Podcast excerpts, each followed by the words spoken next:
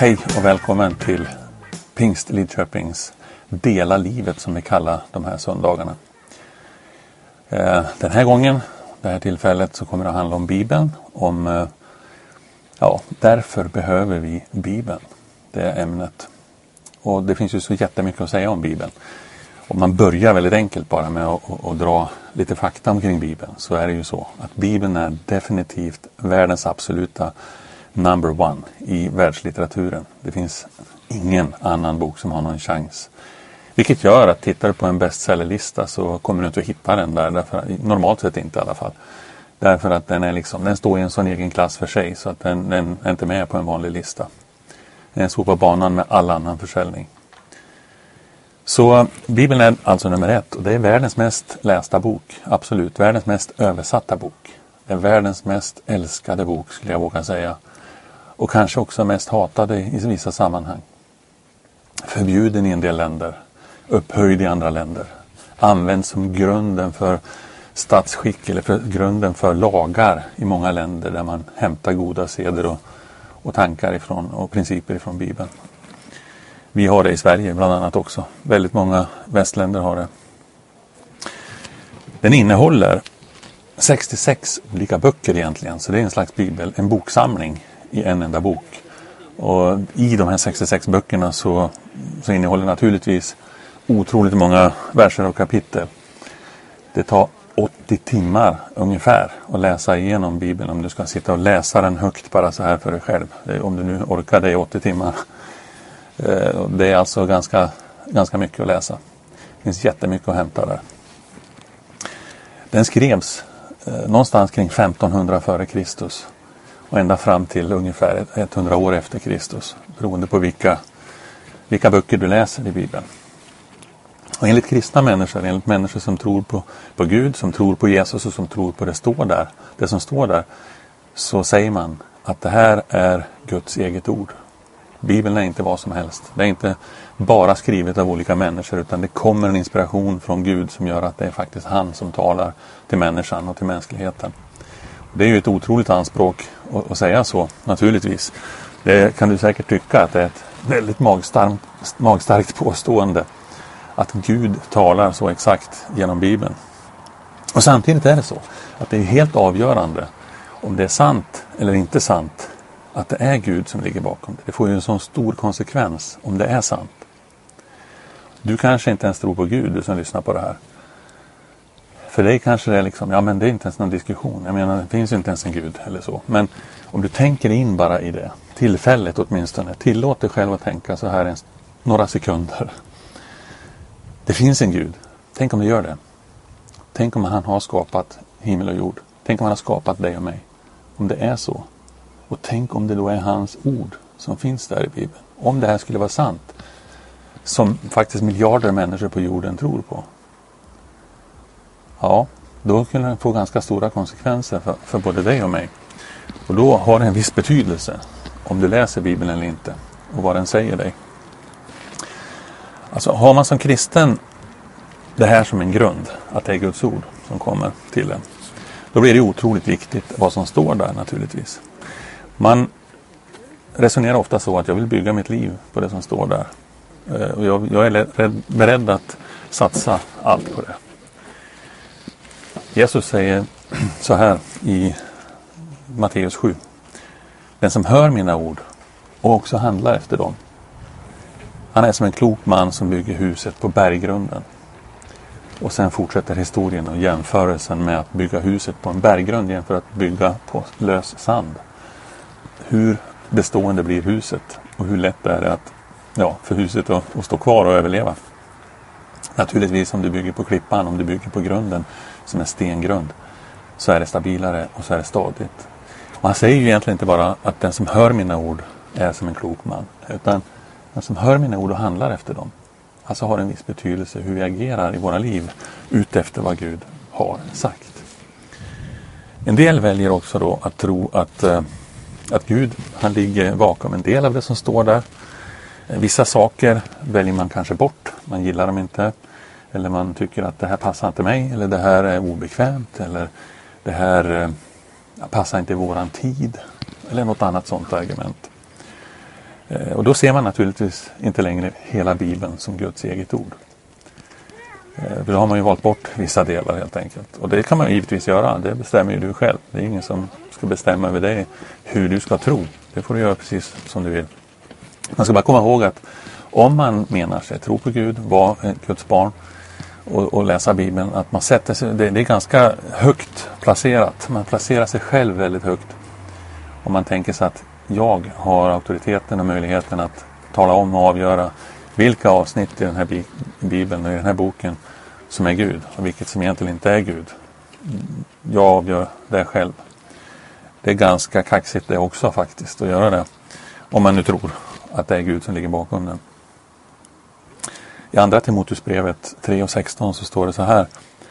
Varje bok i skriften är inspirerad av Gud och till nytta när man undervisar, vederlägger, vägleder och fostrar till ett rättfärdigt liv. Det här uttrycket inspirerad av Gud kommer från ett grekiskt ord som heter teonustos och som egentligen står för ett uttryck som mer skulle kunna översättas inandad. Alltså att man har blåst in sin egen ande i det här. Och Står det då att Gud har blåst in sin ande, blåst in eh, inspirationen så att säga i de människor som har skrivit den så är det ännu mer konkret att det verkligen kommer ifrån honom. Titeln på det här är ju Därför behöver vi Bibeln. Precis som hela serien vi håller på med. Att vi behöver olika saker och det undrar en del ibland varför och nu säger vi därför.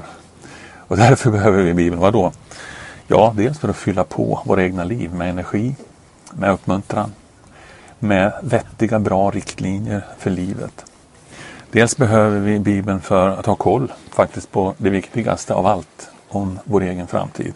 Osäkerheten kring världens framtid är ganska stor. Det skrivs mycket om det, det görs tv-program om det, det görs filmer och allt möjligt. Om jordens undergång och sånt här. Vad kommer att hända? Vad kommer att hända med mitt liv? Kommer jorden att gå under på grund av krig? Blir det ett kärnvapenkrig? Är det miljöförstörelsen som kommer att krascha oss? Och kommer att ske ganska snart. Vad händer egentligen? Bibeln berättar också om de här sakerna och ger oss egentligen ett slutligt facit i hand. Läs vad som står där. Och det är inte jätteenkelt att fatta allting. Men det är värt att, att lägga ner tid på det. Därför behöver vi Bibeln. Vad då? Jo, därför att vi behöver veta också hur vi ska vara mot varandra för att det ska bli som bäst.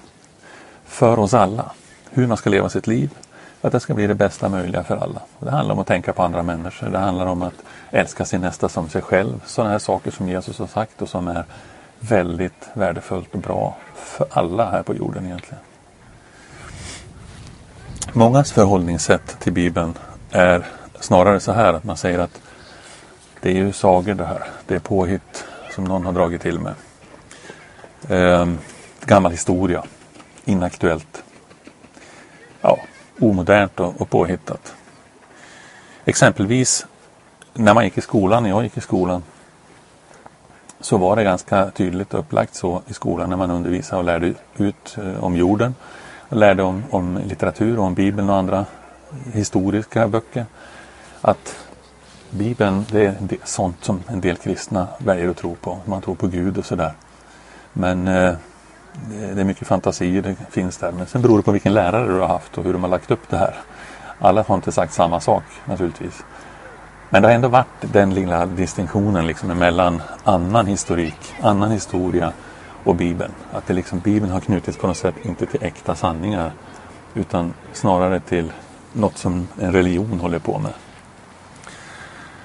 Sen vet jag att om du har gått alfakurs eller om du har hört någonting från en alfakurs så har du kanske hört en jämförelse som jag tycker är ganska stark. Som säger så här att det vi läser i skolan om, om Caesar, det vi läser i skolan om, om de galliska krigen som man får, får lära sig om i historia. Då får vi veta att det har ju hänt, det är sant. Och det är liksom ingen diskussion om det utan det är ingen som får för sig att säga att det här har troligen kanske inte hänt och sådär utan det är vissa som tror på det bara. Utan man får veta det, det är liksom fakta i, i historieboken. Så, så är det upplagt. Och faktum är att eh, det som hände där, det, det, hände 58 till 50 före Kristus. Och de skrifter man har hittat och de, de, bevis man har fått i utgrävningar och sånt från det här, de kommer från 900 år efter Kristus. Så det var nästan tusen år nyare skrifter äldre har man inte. Det är tusen år mellan de här fynden och när det ska ha hänt. Och det, jag säger inte att det inte har hänt, jag bara säger att så är det. Och man har hittat nio eller om det är tio olika eh, sådana här dokument då, i utgrävningar och vid andra tillfällen. När det gäller Nya Testamentet i Bibeln så handlar det om mellan år 40 och 100 efter Kristus. Eh, det är hittat dokument ifrån 130 efter Kristus. 30 år senare. Det är de, det är de äldsta vi har. Och det är över 5000 hittade. Inte 10 stycken utan 5000 som är på grekiska. Det finns över 10 000 på latin. Plus en massa övriga som är ungefär 10 000 det också. I vad man har hittat. Och ska vi börja titta på sådana här saker. Vad är det liksom som säger, vad är det som, hur bedömer man korrekt historia? Ja, då går man efter till exempel, finns det ögonvittnen? Vilket det gör i Bibeln. Finns det eh, bevis i form av olika upphittade dokument som det ju gör här då? Ja, gigantisk skillnad mellan galliska krigen och Nya Testamentet. Ändå får en sån konstig plats i skolan. Den ena är liksom sant och det är inget att ifrågasätta. Det andra, ja, det här vet jag inte om du behöver tro på. Det är den som har de stora eh, ja, bevisen eller vad jag ska kalla det för. Det som man använder när man när man jobbar med att, att uh, utröna om det är korrekt historia. Hur trovärdig är Bibeln? Och hur mäter man det? En klassisk kommentar som jag har hört jättemånga gånger när det gäller Bibeln. Det är ju att uh, den har ju ändrats och skrivits om under århundraden. Så den har ju blivit annorlunda och det blir ju liksom helt något annat till slut. Det vet ju hur det är om du bara viskar i en sån här ring att det blir en helt annan historia när den kommer tillbaka igen. Ja, det är bara det att du har inte tagit reda på någonting av hur det går till med översättningar och med hur det här har skrivits ner. Du kollar upp det och forskar lite grann i det så kommer du att se att det har varit en oerhört noggrann precision i hur man skriver av skrifterna för tusentals år sedan redan. Man har hittat olika avskrifter och kunnat jämföra dem och se. Och här är det flera hundra år emellan dem. Men det skiljer inte så fruktansvärt mycket faktiskt. I stort sett ingenting. Man tar, tar ett exempel. Eh, 1947 så var det en, en, någon herdepojke som var ute i Israels trakter där Qumrangrottorna heter det. Och slängde någon sten upp i en grotta och så hörde han hur det klirrade till när den landade. och hörde att oj vad är det där uppe för någonting. Så tog man reda på, det var folk som kom dit och liksom tog rätt på vad som var där inne. Och då var det det man kallar för Döda havsrullarna. De finns ju på ett museum i Jerusalem idag. De man hittade där då, de innehöll boken Jesaja som är en del av Bibeln. Och de som hittades då var ungefär tusen år äldre avskrifter än det man tidigare hade hittat. Så plötsligt var det tusen år äldre avskrifter. Och skillnaderna mellan de tusen år äldre avskrifterna och de som var, var nyare. Det var stavningar, lite grann hur man stavar ett namn och hur man stavar ett, ett visst ord. Sådär. ingen innebörd, ingen skillnad i vad, vad det stod och vad budskapet var. Utan det var en viss stavningsskillnad som kan uppstå naturligtvis med tusen års skillnad. Det är inte så konstigt. Det gör det ju för oss också. Det finns arkeologi i massor som, som eh, visar på att Bibeln kan stämma och är historiskt korrekt. Eh, gång på gång gräver man fram olika ställen som Bibeln nämner. Aeropagen, där Paulus verkade bland annat. Teatern i Aten har man grävt fram och hittat på senare tid. Siloadammen. Delar av det som kallas för templet upphittat. Och läser vi i Apostlagärningarna som är ja, en historisk bok och som berättar om vad som hände med första lärjungarna och församlingarna. Eh, så ser vi där att eh, det nämns en massa ställen där. Det nämns platser och det nämns eh, öar. Det nämns nio öar, det nämns 39 olika länder och det nämns 54 olika städer. Tittar du mot dem som står där nämnda och jämför med övrig historik i världen, stämmer de perfekt? Det är exakt den geografin man pratar om. Inget som är konstigt där. Tittar vi på andra saker som har varit tveksamt och diskutabelt under åren. Tar du till exempel kung Salomo så skrivs det en hel del om honom i Bibeln. Och övriga historiker har ju hävdat i århundraden finns ingen, fanns ingen kung Salomo som Bibeln beskriver. Det är någonting som Bibeln har för sig men vi hittar inga andra saker där. Så det, det, och framförallt står det om att, att kung Salomo hade med hästar att göra, att de hade mycket hästar under den, den perioden och, och det, det, är ännu värre. Liksom. Det stämmer inte övrigt, överens med, med vår forskning och med vad vi har hittat. Sen kommer man till ett tillfälle då man hittar en stad och gräver ut en hel stad som heter Tel Megiddo. Den staden den eh, upptäcks och det visar sig att när man har grävt ut stora områden där så hittar man alltså stall för tusentals hästar. Och det, ja, det blir alltså, det är ett av, av Salomos Chariot Cities kallas det för. Där, eh, ja, som var en av hans framstående platser. Eh, det finns ett folkslag som kallas för hetiterna som skrivs om i Bibeln. Hetiterna fanns ingen annanstans i historien. Det var samma sak där. Århundraden gick och folk pekade på Bibeln och sa bara det där. När ni hittar på själva. Det där är något som ett till bevis på att Bibeln har någon egen liten historia för sig. Samma sak händer igen. Det här var i början på 1900-talet. En man som heter Hugo Winkler. Han upptäckte hetiternas gigantiska imperium. Ett stort folk som hade funnits. Och som helt plötsligt var bevisat nu. Och idag när du läser om det, då står det som en vanlig historia. Idag är det inget konstigt. Men hundratals år sedan, ja, men då fanns de inte med alls. För då var det bara Bibeln som sa det. Men Bibeln be be bekräftas och be befästs i sitt ord ju mer tiden går. Och folk kan få fram sanningen och verkligheten. Det är intressant, väldigt intressant. Därför behöver vi Bibeln. Fyll på dig själv med energi, med uppmuntran som jag sa. Ha koll på det viktigaste om framtiden. Hur vi ska vara mot varandra för att det ska bli så bra som möjligt för oss. Det är också ett skäl till att behöva Bibeln och att ha nytta av Bibeln. Sen är det en annan sak. Därför att du alltid ska ha en chans att få ett tilltal på något sätt ifrån Gud så kan du vända dig till Bibeln varenda dag, varenda vecka eller hur ofta du vill. Därför att där finns hans tilltal. Ibland kan man diskutera det här med att man hör saker från Gud eller man tycker sig uppleva att Gud säger någonting eller något. Ja, och det, det är absolut så. så. Sånt händer ju absolut ofta. Men eh, här vet vi när det gäller Bibeln att här, här är det hans tilltal. Du kan veta att behöver jag något från honom, då kan jag gå dit och läsa ett stycke där. Så vet jag att jag har fått en hälsning därifrån. Nu går det förbi lite trevliga barn här. Som vinkar. Nu ska du få några frågor att samtala om i, i gruppen, om ni nu är en grupp som är samlade. Och eh, sen efter de frågorna har kommit upp så ska jag tala lite till och då gå lite närmare på, bara en kort stund, om lite vetenskap kontra Bibeln och vad Bibeln säger. Och hur det står i relation till varandra.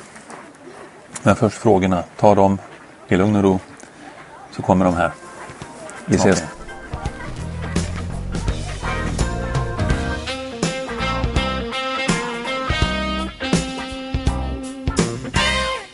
Därför behöver vi Bibeln. Samtalsfrågor. Vilket förhållande har du till Bibeln?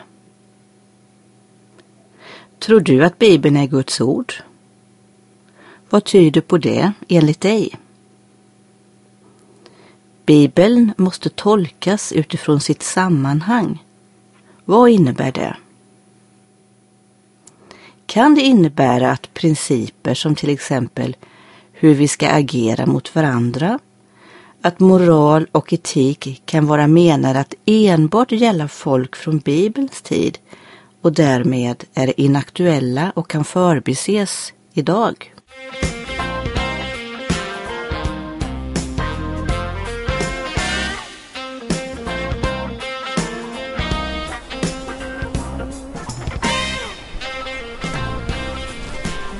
Välkommen tillbaks. Hoppas att ni har haft ett intressant samtal där ni har kunnat ge varandra någonting. Av erfarenheter, egna erfarenheter. För det är ju trots allt bland det bästa av allt när man har upplevt saker själv som har med Bibeln att göra. Och det är inte bara teoretiska sanningar eller något som står tryckt i en bok. Eller en telefon eller en digital platta eller någonting. Ja, det här med vetenskapligt då, vad skulle jag säga där? Ja, det finns ju jättemycket att gå in på där egentligen. Faktiskt gör det det. Men det här är ju ganska korta stunder det här del av livet vi har. Så eh, jag kommer inte gå in på så mycket, men lite grann. Jag tänker så här. Att vetenskapen och Bibeln och relationen däremellan är ett spänningsfält och har alltid varit lite grann. Där folk ibland sätter sig mot varandra och säger liksom att nej, men det där tror jag inte på alls. Och, och likadant åt andra hållet. Det där är bara svammel. Ibland blir det nästan sjukt polariserat. Där man förlöjligar varandra och där man gör någon slags, eh, ja, gör varandra till åtlöje lite grann för att man tror på det ena eller på det andra. Och så gör man det till, till en polariserad grej när det inte behöver vara det egentligen. Som bibeltroende tänker jag att tror man på Bibeln så ska man ändå vara tacksam för forskningen som finns. Man ska ändå vara tacksam och glad att det finns vetenskapsmän och kvinnor som eh, utforskar och som kollar vidare. Vad är sant och vad är inte sant? Sen eh, är det också så att det finns, dels finns det många goda poänger i det, självklart. Eh, dessutom så bekräftar ofta ny forskning Bibelns trovärdighet. Lite ironiskt nog så är det så. Vi pratade om det lite grann i förra avsnittet också. Om hur, hur eh, forskare och vetenskapsmän kommer fram till saker som bevisar att faktiskt att Bibeln hade rätt. Det vi inte trodde först. Eh, om de här bitarna mellan vetenskapen och Bibeln skulle gå isär väldigt rejält, vilket det också händer att det kan göra, i alla fall så som man uppfattar och tolkar det i olika lägen, då är jag en sån som håller mig till Bibeln i det läget. Jag lyssnar fortfarande på vad vetenskapen säger, vad de har kommit fram till naturligtvis. Men skulle det vara någonting som drog isär, där det säger liksom där, till exempel forskare och vetenskapsmän påstår att ja, men det kan inte finnas någon, någon gud så kommer jag ju inte att sluta tro på det. En gud som jag har en relation med och vet finns i mitt liv. Bara för att det finns forskare som säger att det inte ska finnas någon gud. Ett exempel bara. Så visst, vi kan gå isär på det sättet. Men av samma skäl som jag redan har sagt. Tiden visar ofta att Bibeln har rätt.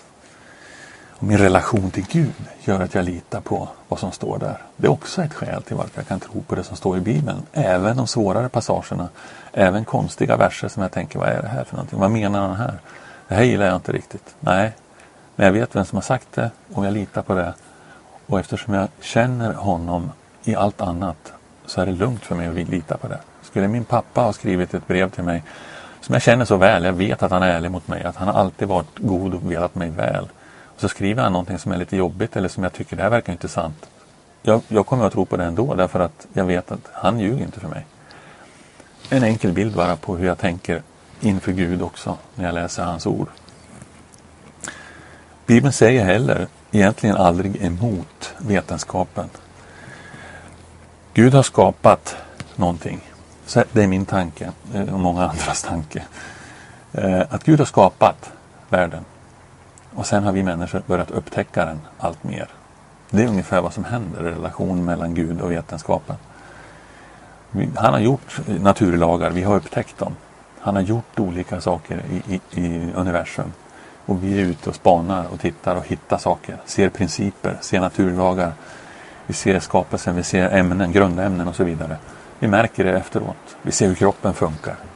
För hundra år sedan fanns det, nu kommer inte jag ihåg här, 80 organ eller något sånt där. Det fanns massor av organ i kroppen som man inte visste vad de var till för.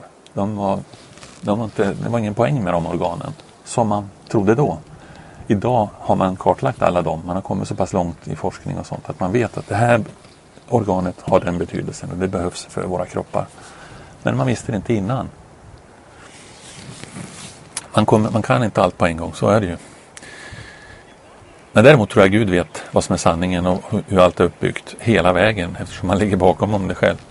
Vi kan ta ett, ett sista exempel där. Eh, vi lever ju i en pandemi just nu det har funnits tidigare pandemier och går vi bakåt ända till digerdöden för hundratals år sedan. Då hade inte varken forskning eller, eller medicinsk vetenskap koll på det här med bakterier och, och, och infektioner på samma sätt. Så när man hade sjuka människor så la man dem ihop ibland. De kanske, var, de kanske var sjuka på helt olika sätt men de fick ligga nära varandra och inte vara isolerade. Redan i Gamla Testamentet så skriver Gud faktiskt ut hur de ska bete sig vid sådana tillfällen. Det, som kallas för karantän, då man ska isolera människor och få vara sju dagar för sig själv utanför de andra och inte vara i närheten av andra för att inte smitta. Sådana här saker som, som är fascinerande att hitta i Bibeln och se att det visste Gud redan från början att det var ett bra sätt att, att agera vid en sån sjukdom. Nu går vi vidare till en sista genomgång bara av det jag har sagt, tror jag, tre gånger nu. Därför behöver vi Bibeln. Därför du behöver fylla på energi i ditt liv. Du behöver få uppmuntran i ditt liv. Inspiration och vägledning till hur vi bör leva våra liv på bästa möjliga sätt. Det är bara en förmån att få det.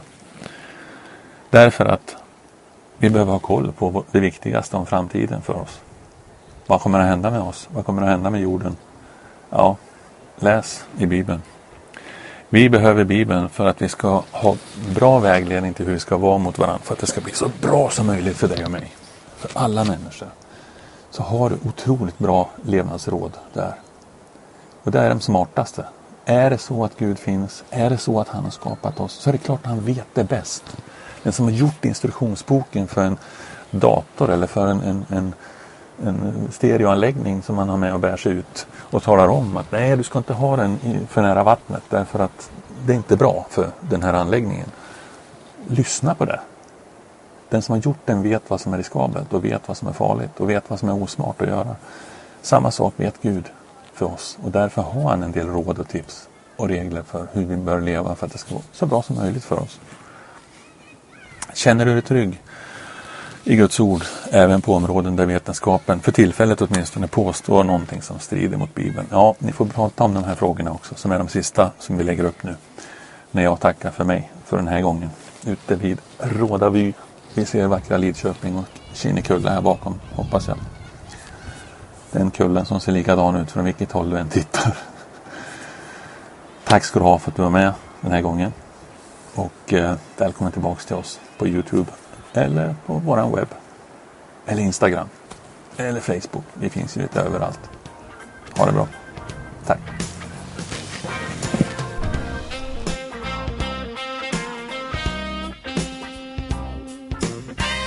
Fördjupning Upplever du vetenskapen som ett problem för dig som bibeltroende? Har du själv upplevt att vetenskapen förändrats så kraftigt att det påverkat dig? Känner du dig trygg i Guds ord även på områden där vetenskapen, åtminstone för tillfället, påstår något som strider mot Bibeln?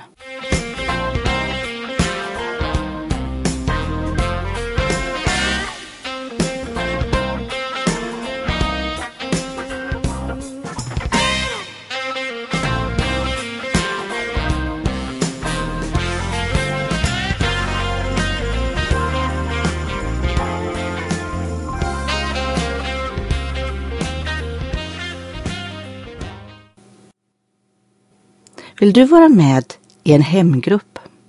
Kontakta Pingstkyrkan på telefon 0510 54 59 50 eller e-post hemgrupp snabela pingstlidkoping.se